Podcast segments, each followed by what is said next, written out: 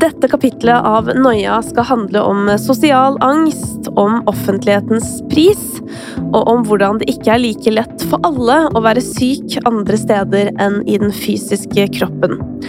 Du skal få møte Faten al-Hussaini, som er 23 år og fra Oslo. I 2014 gikk Faten fra å være ukjent til å bli en svært offentlig person etter å ha holdt en tale om radikalisering på Stortinget. Siden har hatet, kritikken og klagene hamra inn, og det har gitt Faten mange opplevelser hun ikke var klar over på forhånd.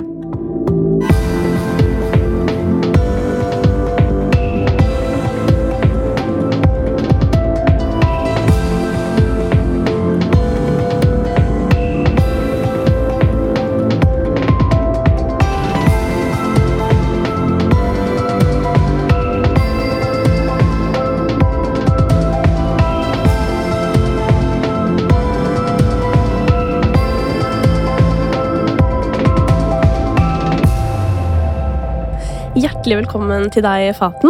Tusen takk. Faten, vi har jo sett deg mye i offentligheten de siste åra, men vi har ikke hørt deg snakke så veldig mye om det du skal snakke om i dag. Det er akkurat derfor jeg er her og ønsker å snakke om det. Ja, Kan du fortelle litt mer om hvorfor du tenker at det er viktig for deg å være åpen om det? Nei, men uh, det er egentlig fordi jeg har en sånn pride i meg og aldri vært interessert i å vise at jeg er sårbar uh, til noen. Um, men så lærte jeg det på Det Norske Teater, uh, at uh, å være sårbar er faktisk noe vakkert. Um, det tok meg lang tid å innse det. Uh, og så tenkte jeg at jeg har vært offentlig nå i fire år, og det har vært veldig vanskelig å være offentlig. Det er det jeg angrer på mest i livet mitt, så hvorfor ikke snakke om hva det har kostet å være offentlig? Og det skal vi komme tilbake til, og jeg er så nysgjerrig på å få høre mer om det. Men aller først så lurer jeg på når det starta? Altså, når kjente du på angst for første gang? Kan du huske det? Ja, jeg, jeg tror jeg var 15 år eh, når jeg begynte å kjenne på det best, og det er på ungdomsskolen. Siste året. Um, og det er fordi jeg begynte å gå veldig hardt opp i vekt, veldig fort. Og så ble jeg egentlig sånn superengstelig og tenkte ok, hva skjer med meg nå, hvorfor forandrer kroppen min seg så fort, hvorfor begynner jeg å bli altså så mye større. For jeg spiste jo akkurat som før, eh, men jeg ble bare større og større og større. Men fant du ut hva som var årsaken, da? Nei, jeg fant aldri ut av det, og jeg har vært så stor siden da, og det er helt greit. Jeg har ikke problem med det, jeg er helt fornøyd. Som heller ikke er spesielt stor, men det er jo helt vanlig at det skjer endringer i kroppen eh, når man er i den alderen, da, ja. som du beskriver. Men hvordan kjente du den angsten på kroppen? Nei, og det jeg begynte egentlig å gå med litt sånn mye større klær, og jeg var redd eh, for å dusje i gymtimen. Jeg ville ikke vise noe av kroppen min. Så jeg gikk egentlig med sånn skikkelig seggebukser og, og, sånn De kalte meg, sånn, de kalte meg parachute. Fordi jeg var så Altså, jeg bare dekka meg mest mulig, og det var liksom jeg, jeg, hadde angst for at noen skulle se kroppen min og formene jeg hadde fått, da. Ja. Og jeg har hatt egentlig veldig problemer med at folk ser kroppen min fortsatt i dag. Kanskje bare litt mye mindre, da, men uh, jeg er ikke så veldig åpen om kroppen min foran til og med familie. Mm. Men uh, hvordan utvikla det her seg da videre utover videregående? Nei, på videregående så bestemte jeg meg egentlig for å gi litt faen. Uh, og det var bare sånn Vet du hva, jeg gidder ikke å bry meg, jeg ønsker ikke å være en del av en gjeng. Jeg skal ikke sitte og bry meg om å være kul nok og passe inn. Så da ble Faten Lille Minnem, okay. som, som, jeg ble kalt. Fordi jeg gikk med hettegenser og eh, joggebukse hver eneste dag til skolen.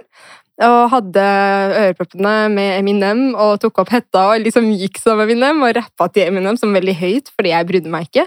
Men så ble jeg egentlig veldig populær på grunn av det, fordi folk respekterte at jeg bare var den jeg var. Og så var jeg også veldig heldig med at skolemiljøet var veldig fint. Eh, men det viste seg at det å bare egentlig gi litt faen og ikke sitte og prøve å passe inn i en gjeng, var en styrke, da. Mm. Så det eh. hjalp litt på den sosiale angsten? på en måte? Ja, og da begynte jeg egentlig ikke å bry meg om hvor mye kroppen min er synlig, eller om jeg ser stor eller liten ut, eller om jeg er lav eller høy. Jeg blir jo kalt verg fordi jeg er veldig veldig lav, men jeg pleier å si jeg er veldig stolt over høyden min, for da har jeg sjanse på lave og høye menn. Du forteller om, eh, om, dette med at du gikk opp litt i vekt, at det starta en form for uro i deg. Eh, men så virker det jo som du takla den ganske bra etter hvert, da. eh, Og at du fant en ny selvtillit i å være lille Eminem, som du Mm. forteller om. Um, men kjente du noe mer på den før du på en måte trådde ut i offentligheten? Um, nei, egentlig ikke. Uh, jeg hadde ikke noe særlig angst. Jeg var egentlig bare sånn Jeg var veldig, jeg var veldig fornøyd og komfortabel der jeg var i livet. Mm. Altså Selv med problemene jeg hadde i livet, så var jeg komfortabel med det, for jeg forstår at livet går opp og ned.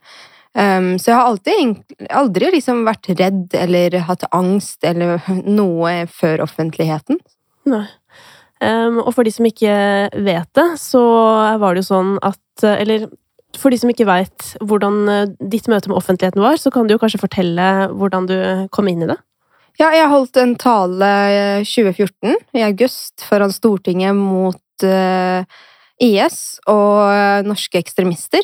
Og mm, dagen etterpå så er jeg på forsider, og alle har en mening om meg, og jeg husker ikke at jeg snakka med noen journalister, og liksom ble liksom en helt for Norge, da. Ehm, og en fiende for mange andre. Mm. Og det var helt uønska. Jeg skjønte ikke hvorfor man skal bli offentlig for å stå opp mot ekstremisme.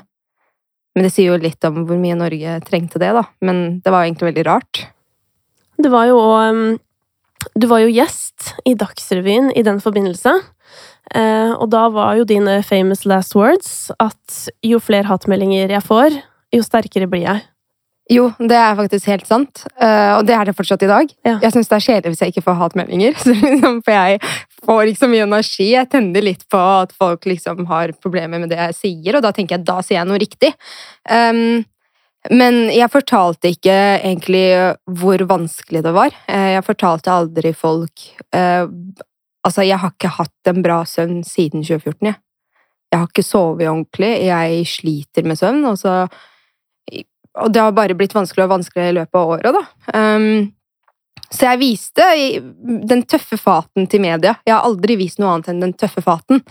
Um, og det er fair enough, fordi jeg syns jeg er tøff. Jeg vet at jeg er det. Men faten er også veldig sårbar, og så fort bare det intervjuet er over, eller når jeg er ferdig med en ting på jobb, så er det liksom Da er jeg, da er jeg tilbake til den svake som syns dette her er veldig slitsomt. Og på tross av dette, da, etter 2014, så fortsatte du også å gjøre en del ting i offentligheten. Eh, Du lagde jo blant annet eh, TV-programmet Faten tar valget.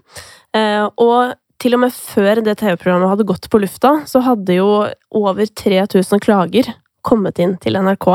Mm. Hva var bakgrunnen for alle de klagene? Nei, det var jo at jeg fikk lov til å bruke hijab, eh, og en annen kvinne ikke fikk lov til å bruke kors. Eh, men så er jeg en subjektiv programleder, da, og den andre var en nyhetsanker, så det er to forskjellige typer jobb, da. Og om du hadde fått min plass som programleder, så hadde du jo gått gjerne med kors eller whatever. Altså, det handlet ikke om religion, det var bare liksom en jente som skulle finne ut, eh, finne ut av et parti. Uh, Ja, for det var jo konseptet at du skulle på en måte finne hvilket parti du skulle stemme på. Ja. Men det jeg er veldig nysgjerrig på nå, Faten, det er jo at du sa at noe av det du angrer mest på, er at du har blitt en offentlig person. mm. Hva ligger i den angeren? Hva er det du angrer på? Nei, det angrer, jeg angrer på det fordi jeg, jeg var egentlig veldig ung, jeg var bare 19 år, og jeg visste aldri prisen av det. Jeg hadde ingen veileder, jeg hadde ingen rådgiver som kunne fortelle meg at du kan si dumme ting på media som kommer til å bli brukt mot deg som 19-åring resten av livet. Og jeg, jeg bare trodde alle journalister var liksom sånn hyggelige mennesker som ville mitt beste. Men det er ikke alltid sant, ikke sant? Eh, De vil jo lage bare en bra sak, da. Selv om det er imot meg. Men men jeg angrer på det, fordi når jeg ble offentlig, så, så tenkte jeg den natta jeg satt der, og telefonene ringte, og alle skulle ha et intervju, alle skulle snakke til meg, Facebooken ble helt Altså, den ble bombardert. Så tenkte jeg ok, jeg har to valg, og det er enten så tar jeg og bruker den stemmen jeg har fått nå, til ting jeg tror på, eller så gjør jeg ikke det. Men da kommer jeg alltid til å tenke hva om jeg hadde gjort det, hva om jeg hadde sagt det, hva, kunne jeg endra liv, kunne jeg vært med og bestemt? Um, og jeg angrer på at jeg tenkte jo, være med å bestemme. Um, jeg føler jeg har gjort mye, jeg bare tenker det er verdt det, men, men det har kosta meg mye mer. Det er, det er flere nedturer enn oppturer i den reisen. Men når var det du liksom virkelig begynte å kjenne på disse nedturene? Nei, vet du hva, jeg er i den fasen nå. Mm. Akkurat nå. Eh, hvor jeg eh, prøver å rydde eh, tankene litt, og hvor ting eh, Hvor jeg syns ting er veldig vanskelig, og jeg syns det er fysisk vanskelig å stå opp om morgenen. Um, hvor jeg Jeg tør ikke å sove hvis jeg ikke har eh, en serie på helt til jeg sovner, liksom. Um, og jeg er liksom et sted nå hvor, hvor, det er veldig tungt, da. Men jeg aksepterer at det er bare tungt, og jeg er liksom veldig fredelig rundt at det er så tungt. Mm. Um, og det er kun fordi jeg ikke har aldri tillatt meg selv å ha det vondt. Um, og det er en av grunnene faktisk til at jeg ønsker å snakke om det. er liksom Hvorfor har jeg vært flau over det? Og hadde, ikke, hadde jeg bare snakket om det fra før, så hadde jeg liksom kanskje vært et bedre sted nå. Mm. Eh, men jeg har jo bare pressa meg selv og sagt nei, du takler det, du klarer det. Ikke, ikke sitt og sutre nå, ikke vær et offer. Ikke, ikke, vis at du er sliten, ikke vis at du er svak, liksom. Du er den sterke faten. Men det har også noe med forventningene du får i media, av mennesker rundt deg som forteller 'modige faten', 'sterke faten', og så tør du ikke å være noe annet. Mm. Uh, og jeg er også mye annet enn bare sterk og modig. Mm. Ble liksom fanget i den rollen, på en måte? Ja. Mm. Hva er det som gjorde at du kjente at du måtte gi det plass? Nei, det var eh, Det var egentlig de klagene. Um, det, det, er egentlig så teit, egentlig, syns jeg. Fordi liksom Ja, ok, det var rundt 6000, da, men, men, men eh, Men de klagene gjorde veldig mye med meg som faten. Uh, og det er fordi jeg har aldri tenkt på meg selv som en jente med hijab. Jeg har bare tenkt som jeg er faten, jeg er kul, jeg er blond, jeg er morsom, jeg er sterk, jeg er frekk, liksom. Det er faten. Og så kommer de klagene, som er egentlig ingenting i forhold til Norge og all den støtten du får. Men, men jeg har fortsatt de der eh, kommentarene hvor liksom hun skulle ha visst bedre, stakkars jente, hun vet ikke bedre, gi henne en sjanse, hun kommer til å ta den av en dag, eller sånn type klager som, eh, kommentarer som gjorde veldig mye med meg. Og etter den dagen til i dag så går jeg ut av huset og ser meg selv i speilet hver eneste dag og tenker faen, jeg har en hijab. Og det betyr at folk har fordommer. Så når folk ute ser på meg, så tenker jeg at de ser på hijaben min, og de har sikkert et problem med den. Åh, det er et eller annet med hijaben min, det må være det. Men det er egentlig ikke det. Det er jo, De bryr seg sikkert ikke. Men nå har hjernen min blitt innstilt på det, for når jeg gikk ut før, så så jeg ikke speilet. Jeg bare så på sminken min, men i dag ser jeg på hijaben min, og det har jeg gjort hver eneste dag siden da. Um, og da har jeg begynt å liksom bli veldig sårbar. Um, og så bare tenkte jeg, nå er jeg først så sårbar som jeg er, så kanskje burde jeg bare tillate alt annet også. Um, ja. Og så kom uh, Det Norske Teater, hvor du skulle stå der og fortelle mennesker om din historie som barn, hvor du bodde i Irak et år, og du bodde der ikke det beste året, for å si sånn, en USA-invasjonen, hvor ting skjedde, da, alt av eksplosjoner og kidnappinger og sånn, og jeg nekta å være så sårbar på scenen. Det sa jeg til Svein Timberg. Jeg kan ikke sitte og fortelle folk dette her. Fordi greia var at du skulle delta i en slags oppsetning? Ja, og... Hvor du skulle fortelle om bakgrunnen din? Ja, om min mm. historie. Um, om utenforskap, ikke sant. Og det, da går vi langt, langt tilbake til Faten, elleve år, som bodde i Irak. Og, um, og jeg har aldri snakka om Faten, elleve år, som bodde i Irak unntatt i Svein, da. Jeg har, aldri, jeg har aldri tatt det opp, jeg har aldri vært et tema mellom meg og venner, selv om alle visste om det. Jeg har aldri bearbeida de traumene jeg fikk der, og så skulle jeg si dette her på en scene foran mennesker om og om igjen, og det var liksom nei, det skjer ikke, fordi det er sårt for meg å snakke om disse tingene, og så er det enda mer sårt å lese historien sin på et ark, faktisk, eller på, i et manus, fordi det er ikke så dramatisk i din hjerne, men så leser du det i et manus og tenker wow, hva er dette her, liksom, har jeg gått gjennom det? Um, men så sa Svein til meg men prøv å være litt sårbar. Så sa jeg nei, det skjer ikke, jeg er ikke noe sårbar, jeg er en tøffe faten. Jo da, prøv å være litt sårbar. Og så prøvde jeg meg litt på det, og så så jeg liksom at publikum elsket Faten, den sårbare, den sinte, den som gråter til slutt.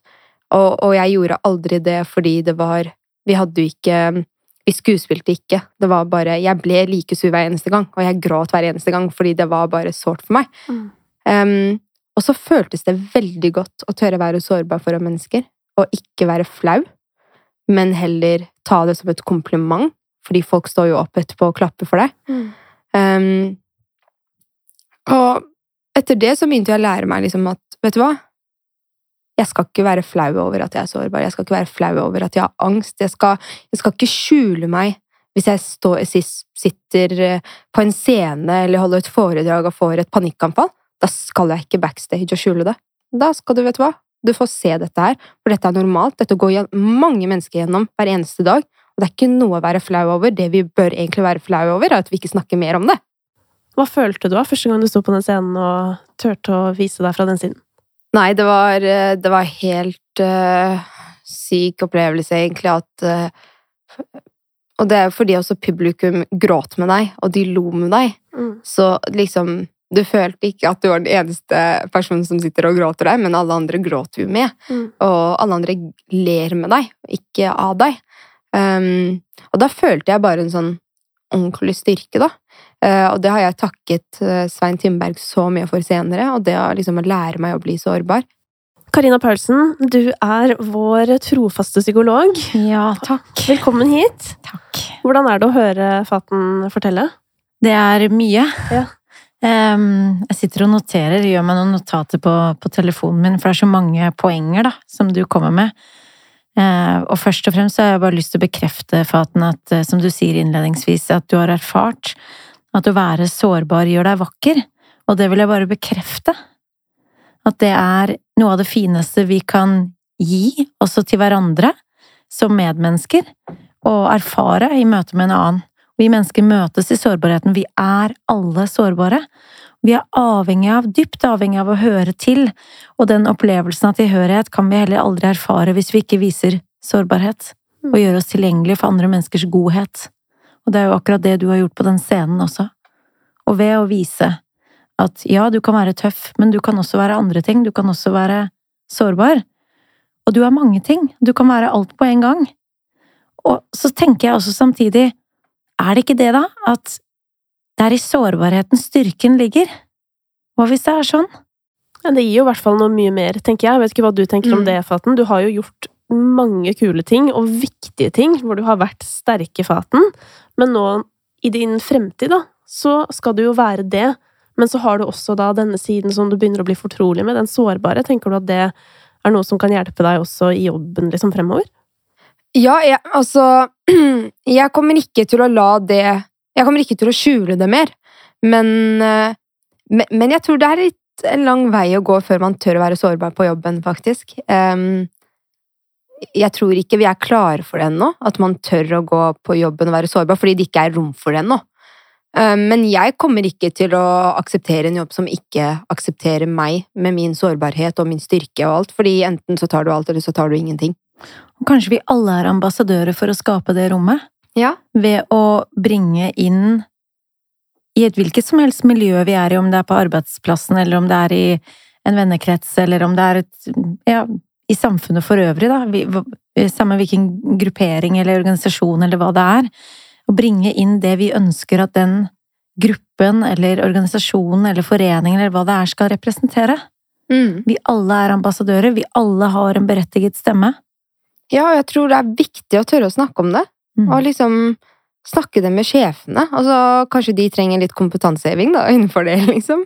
At det er greit at eh, de som jobber hos deg, kan bli sliten og er litt sårbar. Det betyr ikke at de er dårlige til jobben, det betyr bare at de trenger en pause eller trenger litt støtte da, på jobben. Mm. Det krever mot også. Mm. Våge å vise sårbarhet. Jeg tenker jo snarere tvert imot. Da. At jeg tenker at uh, det å jobbe med mennesker som har opplevd mange forskjellige ting, er en styrke. Mm. mm det er det jeg tenker, i hvert fall. Det gir en diversitet. Mm. Og så har jeg lyst til å uh, hente frem en annen ting, og det var at du snakket om det å passe inn. At du alltid har forsøkt å passe inn.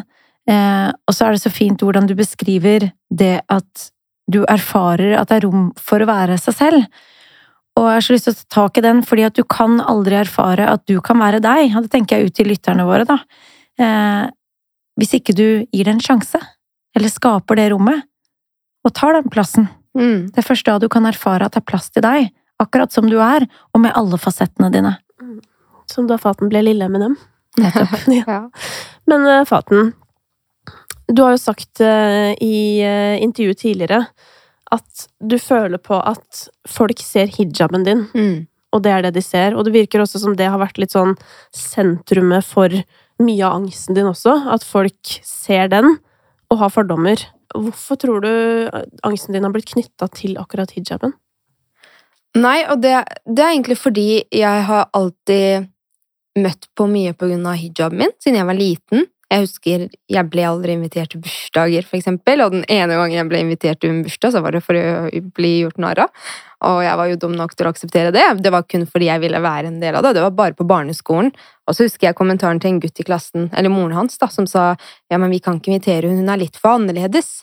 Um, så jeg har alt, men jeg har aldri brydd meg om det. Jeg har aldri liksom tenkt ok, you're lost, pleide jeg å tenke om hun moren, liksom, for jeg er mm. egentlig veldig kul på bursdager. Og når de ikke inviterte meg, så ble jeg litt lei meg, men jeg ble så mer sånn Vet du hva, jeg er ikke interessert i dere, fordi jeg var en person som klarte meg veldig mye på egen hånd. Og det har jeg alltid vært. Um, men liksom at det hele tiden er et tema uansett hvor jeg er og hvor jeg går, og jeg føler at mennesker ser en hijab og ikke faten, og greier at jeg har aldri likt å bruke det kortet at jeg går med hijab. Jeg syns ikke det er et kort. Jeg tenker liksom, jeg er ikke et offer. Um, jeg er bare faten, jeg er alt annet enn hijab, men når folk skal alltid presisere at du er en hijab, og ikke klarer å se noe annet, så gjør du noe med deg. Og det er liksom Hva gjør det med deg? Nei, det gjør Altså, jeg, jeg, er litt Jeg er ikke redd for å gå med hijaben min. Altså, jeg er veldig stolt over den. Jeg er bare og jeg er mer sta i dag. Liksom, jeg kommer aldri til å ta den av, tenker jeg i hvert fall nå. fordi nå er det ikke bare min hijab, nå er det alle jenters hijab det handler om. Eh, for at de ikke skal føle det slik jeg føler det. Men, men det gjør at du liksom går og får fordommer mot mennesker du egentlig ikke skal ha fordommer mot. Altså At jeg går rundt og tror at folk i TV-en stirrer på hijaben for de har et problem med det, det er jo ikke sant engang. Og jeg vet jo det innerst inne. At jeg, hvis noen sier til meg 'nei, du gjorde ikke en bra jobb', fordi jeg virkelig ikke gjorde en bra jobb, så kommer jeg til å tenke nei, det er bare pga. hijaben min. For det har vært den casen når jeg, skulle, når jeg, søkte jobb. Hver gang jeg kom fram til et intervju, så var det sånn Ok, shit, hun har en hijab. Um, men jeg har aldri tenkt på meg som, liksom et offer. Og det handler ikke om bare de 6000 klagene, det handler om at 6000 andre mennesker ikke sa noe imot. Det handler ikke om det hatet, det lille hatet du får, men det handler om at du ikke får like mye støtte tilbake. Det handler om at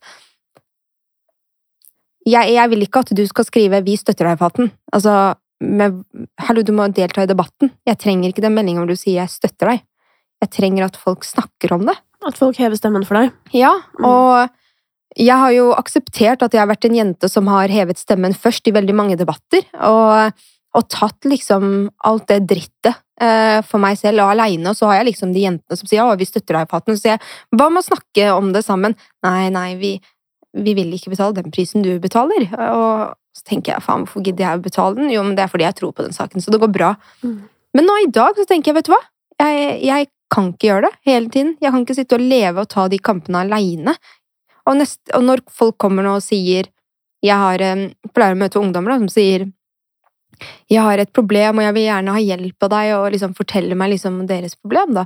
Så sier jeg jeg kommer ikke til å hjelpe deg, jeg kommer til å gå med deg og støtte deg men jeg kan ikke fikse det for deg, for du må lære å fikse det selv. Men jeg kommer til å være der med deg hele veien, for ellers lærer du ingenting. Jeg kan ikke gå rundt og være Supermann for alle jenter, liksom. Um, men i dag så har jeg blitt liksom Og etter de klagene så har jeg liksom blitt frarøvet identiteten min og tilhørigheten min til Norge. Um, på hvilken måte da? Nei, jeg nekter å kalle meg norsk. Hvorfor det? Fordi jeg føler, og jeg nekter å kalle meg iraker også, det er fordi jeg føler alle skal kalle meg norsk når de ønsker, og sette meg i båsene når de ønsker, og jeg er god nok eh, norsk når de ønsker, og så er jeg god iraker når de vil, og så er du den norske faten på, en, på det ene intervjuet for du får en pris, og så er den irakiske faten for du snakker om sosial kontroll, og så og så er det liksom når det passer folk, at jeg blir norsk eller iraker, eller at jeg er ikke-norsk, eller, eller, at jeg er dårlig iraker, eller truer meg når du vil. Og da tenker jeg, vet du hva, jeg er ikke interessert i å bli, uh, være en del av noen av de uh, sidene. Jeg vil ikke være norsk, jeg vil ikke være iraker. Jeg er bare faten, jeg. Og jeg lager nå min egen identitet.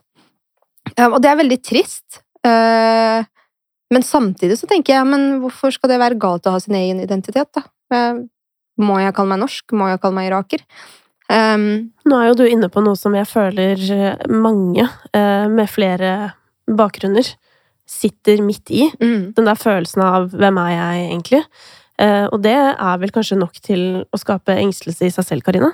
Ja, absolutt. Også hvis vi støtter oss i det at tilhørighet er så viktig for oss mennesker, da.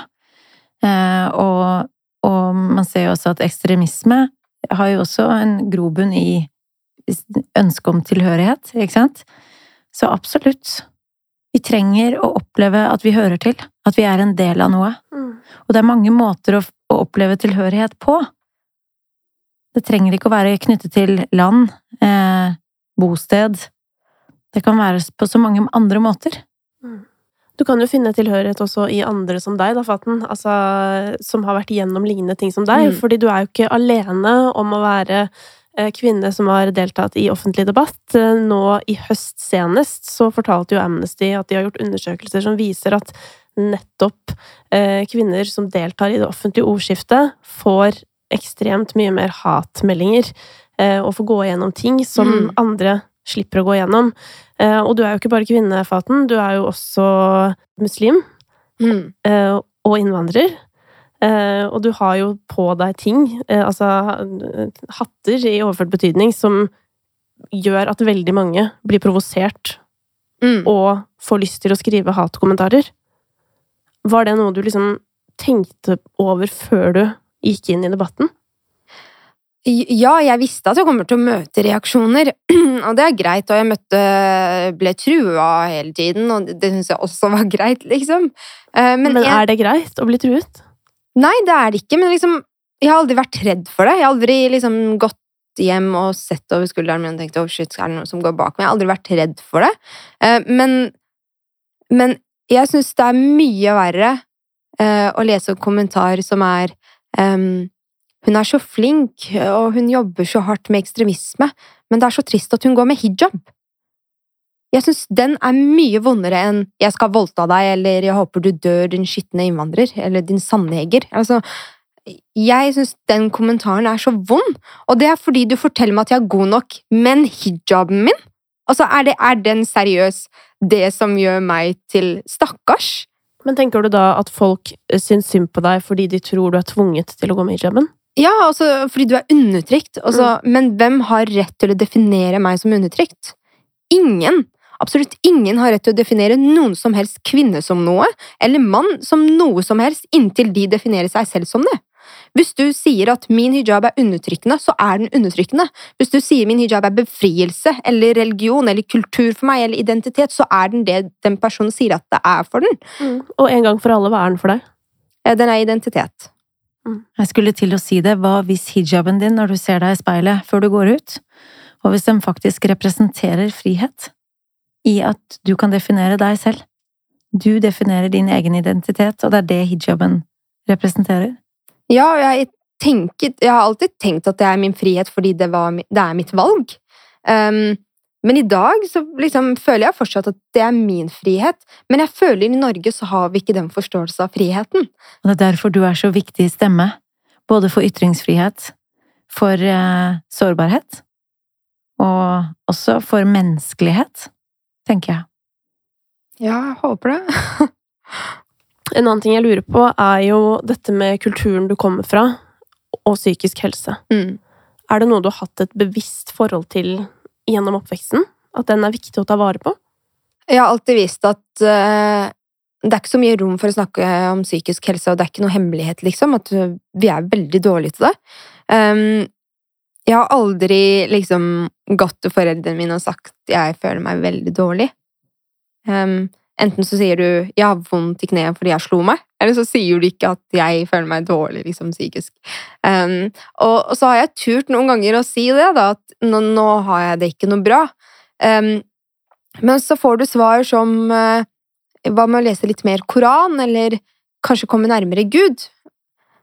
Da ble jeg bare sinna, da. Fordi jeg trenger ikke det svaret. Jeg trenger at noen forteller meg at dette er noe vi må ta tak i, og vi må dra til en psykolog, og vi må snakke om disse tingene, og hva er det som gjør så vondt, og hvorfor er det slik det er?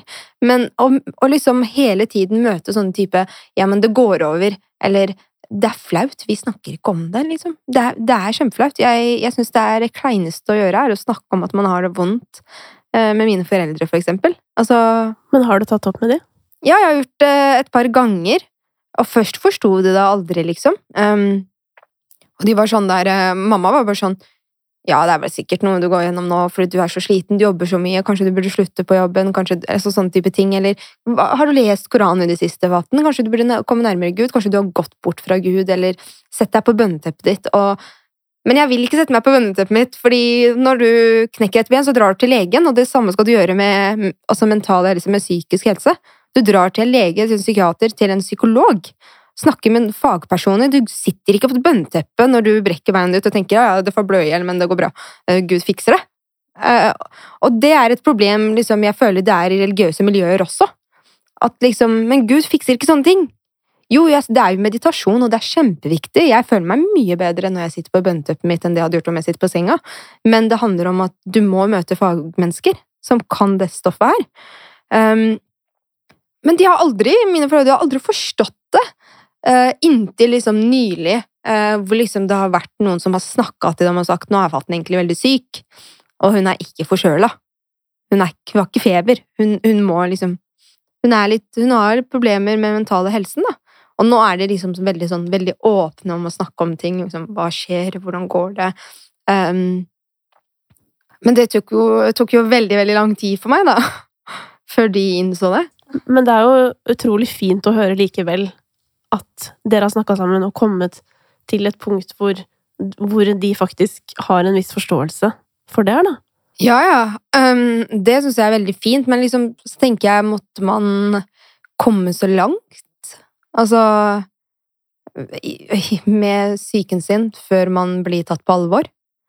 Um, Men der eh, er vel ikke Faten alene, Karina? Nei, absolutt ikke. Og jeg liker veldig godt den eh, Den metaforen du bruker da, til å ha brukket et ben.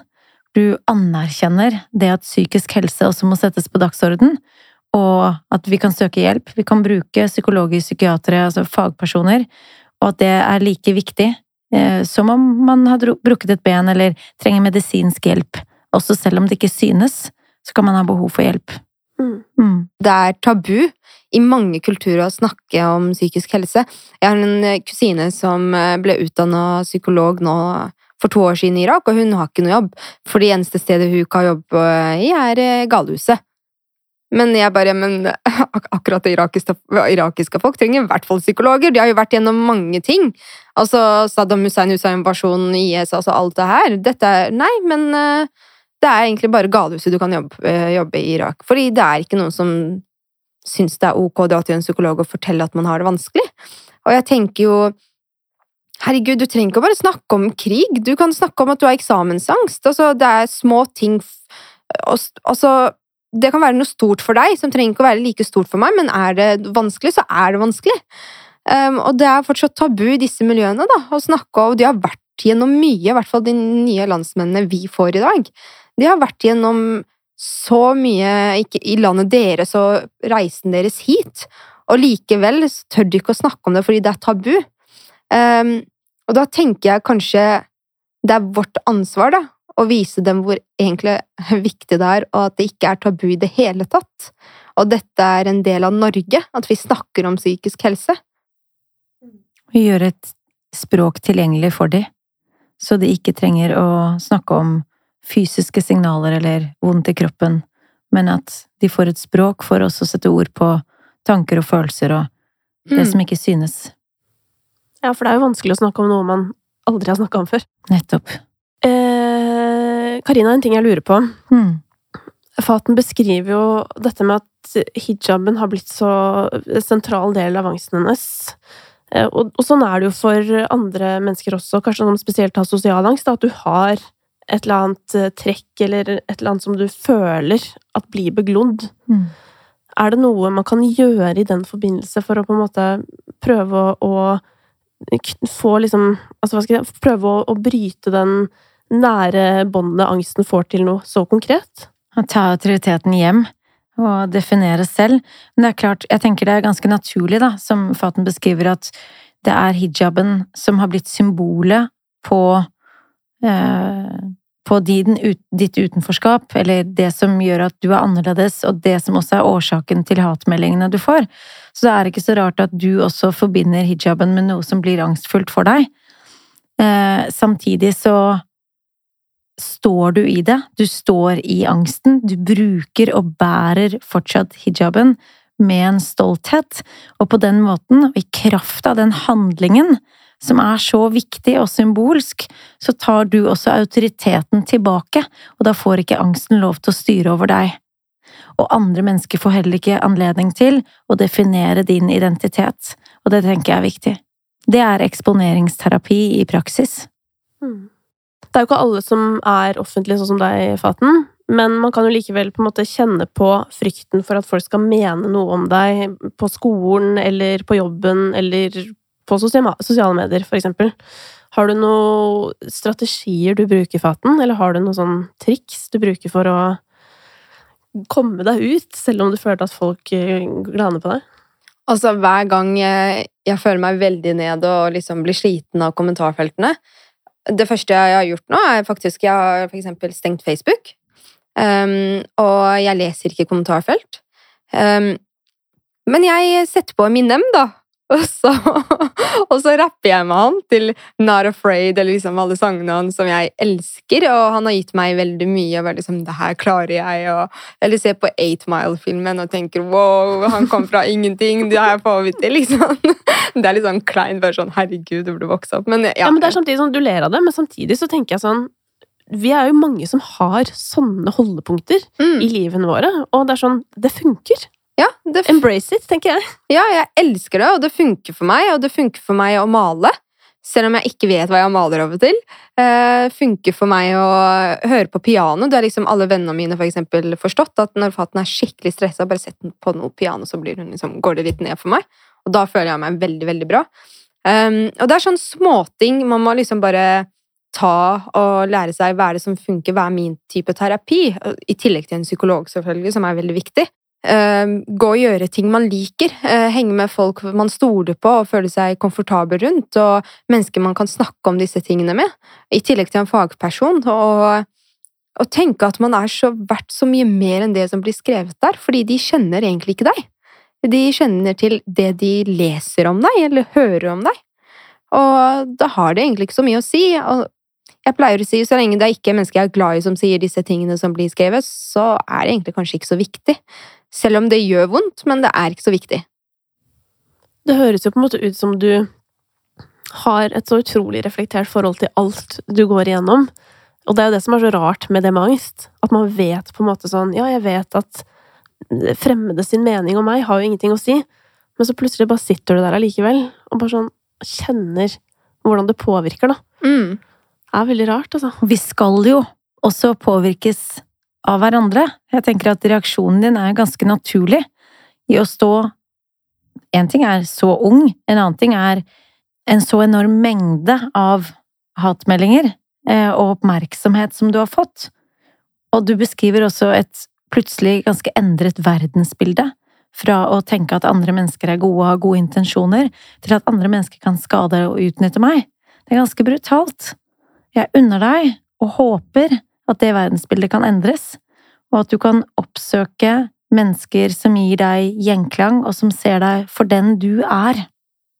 Uavhengig av om du bruker hijab eller ikke, hvor du kommer fra, hvor du bor, eh, hvilken nasjonalitet du har eller ikke har, det betyr ikke noe. Det som betyr noe, er at du er deg, og at det er godt nok. Og for hver hatkommentar en invitasjon til å stå fast ved den du er, og det du tror på. Det er det absolutt. Men det er liksom bare det jeg tenker alltid, at det er, det er liksom veldig slitsomt å alltid måtte løpe den ekstra minen, som jeg føler veldig mange ungdommer må gjøre i dag, i hvert fall med minoritetsbakgrunn, de som er annerledes egentlig generelt. At du må alltid må liksom ta den ekstra minen for å vise at jeg er god nok. Og det er klart at du bærer for veldig mange andre som du selv sier, og den hijaben, den representerer ikke bare noe for deg, men på vegne av alle andre som bruker hijab. Absolutt. Mm. Det er jo derfor jeg håper også at, at du kjenner på det du faktisk har gjort, da. Er det noe du liksom Gir du anerkjennelse til deg selv? Ja, jeg er veldig stolt over ting jeg har fått til. Um, og jeg tenker herregud, det er kjempekult å slå Skavlan i klager.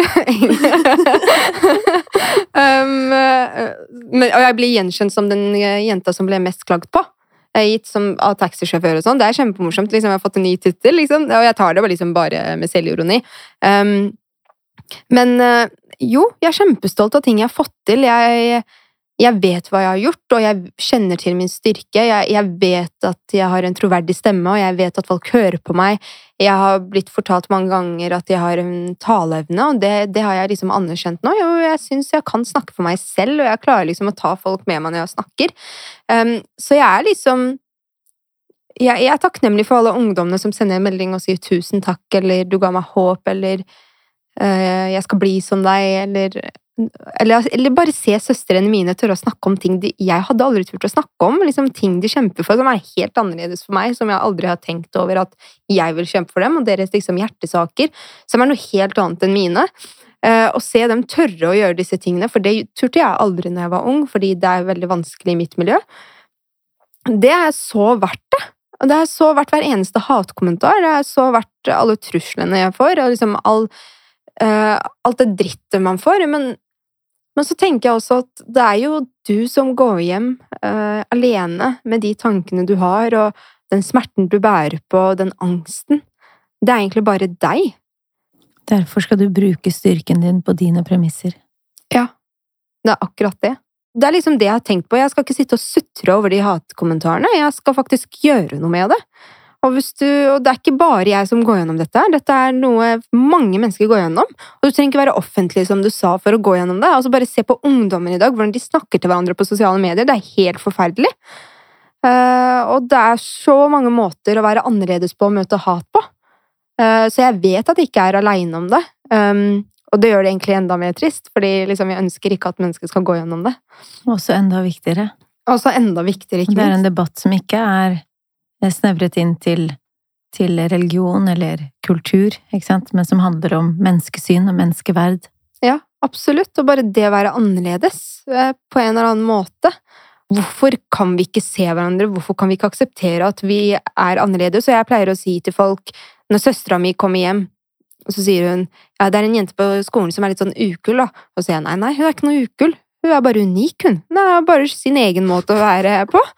Trenger ikke å være lik deg. Tenk om, alle, tenk om alle var som deg, sier jeg til henne, og da blir sånn Ja, det er litt kjedelig. Ja, akkurat. Det er faktisk kjedelig å liksom ha mennesker som har samme meninger som deg. Altså, jeg orker ikke en faten til i denne verden. og liksom Men herregud, det, er, det er så viktig å snakke om mental helse, og jeg har alltid vært opptatt av det, men jeg har aldri vært opptatt av det som nå. Uh, og det er jeg så takknemlig for. Denne praten har jo vært en spennende reise i den forstand at vi på en måte starta med eh, at du kjente litt på angsten da du var 15, og ting gikk bedre. Så går du inn i offentligheten i 2014 med et brak, vil jeg si, og alt som følger etter. Eh, du sier at du angrer på at du ble en offentlig person, men samtidig nå er vi på en måte framme ved et sted hvor du forteller at du har lyst til å snakke om mental helse.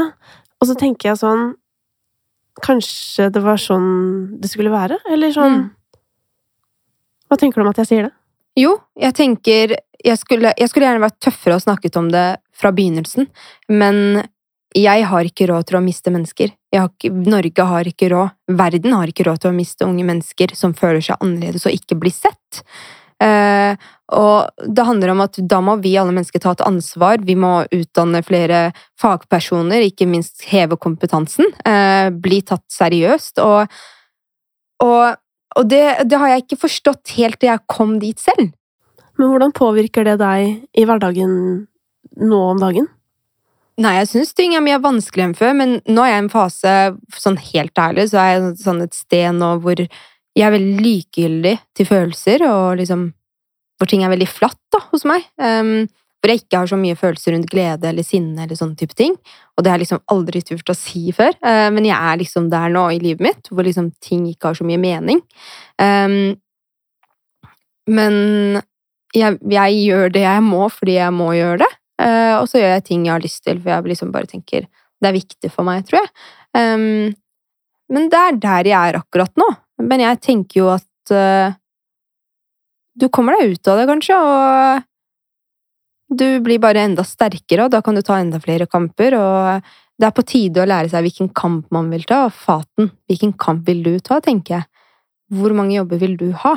Og vil du være offentlig? Eh, kanskje slutte på en jobb? Kanskje tørre å gå ut av komfortsonen? Kanskje gjøre noe nytt? Så jeg begynner å utfordre meg selv også, så det er kanskje noe godt ut som kommer ut av det her. Høres ut som deg, Karina. Motgang viser vei. Og det er ofte der vi også finner en styrke, og vi kan lære, eh, og vi kan oppdage nye sider ved oss selv. Det å omfavne, omfavne motgang som veiviser kan for mange være en veldig konstruktiv tilnærming. Og så er det ikke sånn for alle, men for veldig mange så jeg vil si, driste meg til å si de aller fleste, så i det øyeblikket man har kommet seg gjennom noe vanskelig og ser tilbake, så ser man at oi, det var faktisk meningen. Eh, dette viste vei, eller dette styrket meg på en måte som jeg ikke forsto eller så da, når jeg sto i det. Eh, det gir en retning. Ja, absolutt. Det gir, det gir en retning.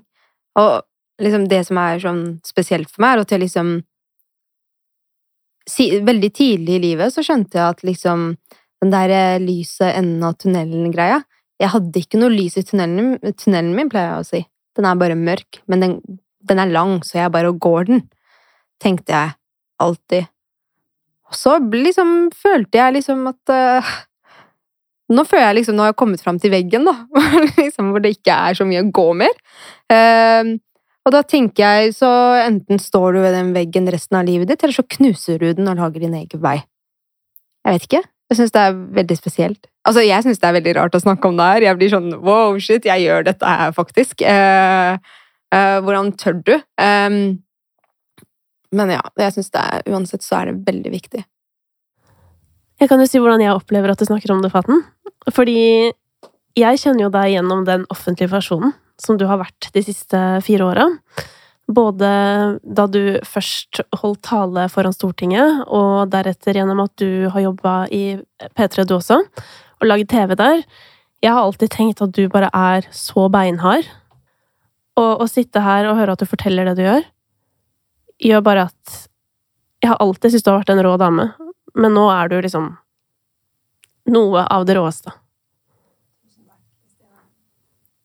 Fordi det gjør deg til et menneske, ikke sant? Jeg blir, jeg blir skikkelig Jeg blir så oppriktig rørt, fordi jeg tenker sånn, for det første Dette er så viktig for så sjukt mange andre, både som kanskje bare til en viss grad føler sånn at folk tenker ting om dem fordi de har hijab, men nå bare generelt for alle mennesker som går rundt og tenker sånn 'jeg er den tøffe', 'jeg er den sterke', jeg har ikke lyst til å vise at jeg har noe annet.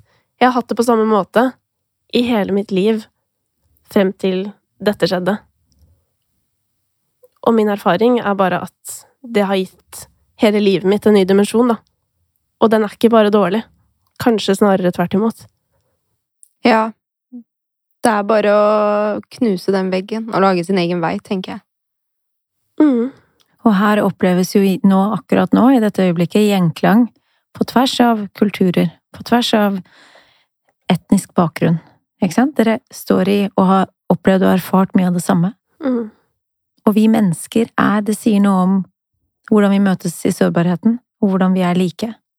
Absolutt, og, og det, mm. det der syns jeg er så viktig sagt, fordi jeg opplever alltid at liksom Mennesker som ikke har en kulturell bakgrunn som meg, eller sånn uh, innvandrerbakgrunn, tør ikke å snakke om de samme tingene som meg, for de føler at de ikke har lov til å snakke om de tingene som meg. Og så tenker jeg, men herregud, da. Du bor i Norge. Du bor i det flerkulturelle Norge. Selvfølgelig vet du like mye som meg. Faten, nå har vi snakka om noe du ikke har snakka om på denne måten før, i hvert fall. Hvordan kjennes det? Jo, det føles egentlig veldig, veldig godt. Um, det er veldig deilig å være så ærlig. Nesten som Det er nesten som terapi. Egentlig å bare liksom si disse tingene. Ja, det er litt vanskelig nå, liksom. Og jeg håper alle tør egentlig å være så åpne om det. Og jeg håper folk ikke skjuler det. Um, sånn at alle andre bare aksepterer at vet du hva, dette er helt normalt. Mm. For det er det. Det er bare at veldig mange skjuler det. Um, Men det, er, men det er veldig godt egentlig å snakke om disse tingene. Mm. Det er nesten som vi har en liksom, terapitime nå, hvor vi bare er helt ærlige om alt. Tusen hjertelig takk for at du kom hit i dag, Faten, og delte din historie. Tusen takk for at jeg fikk komme. Tusen hjertelig takk til Faten som kom hit og delte sin historie med oss. Det er Karina og jeg megatakknemlige for. Det føles utrolig viktig, både dette med den sosiale angsten, men også dette med offentlighetens pris.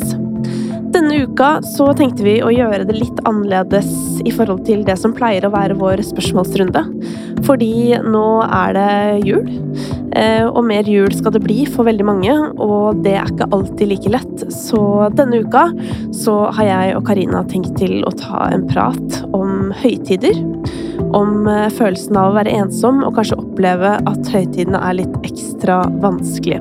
Så hvis det er noe du vil at vi skal ta opp i den praten, da syns jeg du skal ta kontakt med oss via noiapodkast.no. Eller finne oss på Facebook. Eller sende oss en e-post.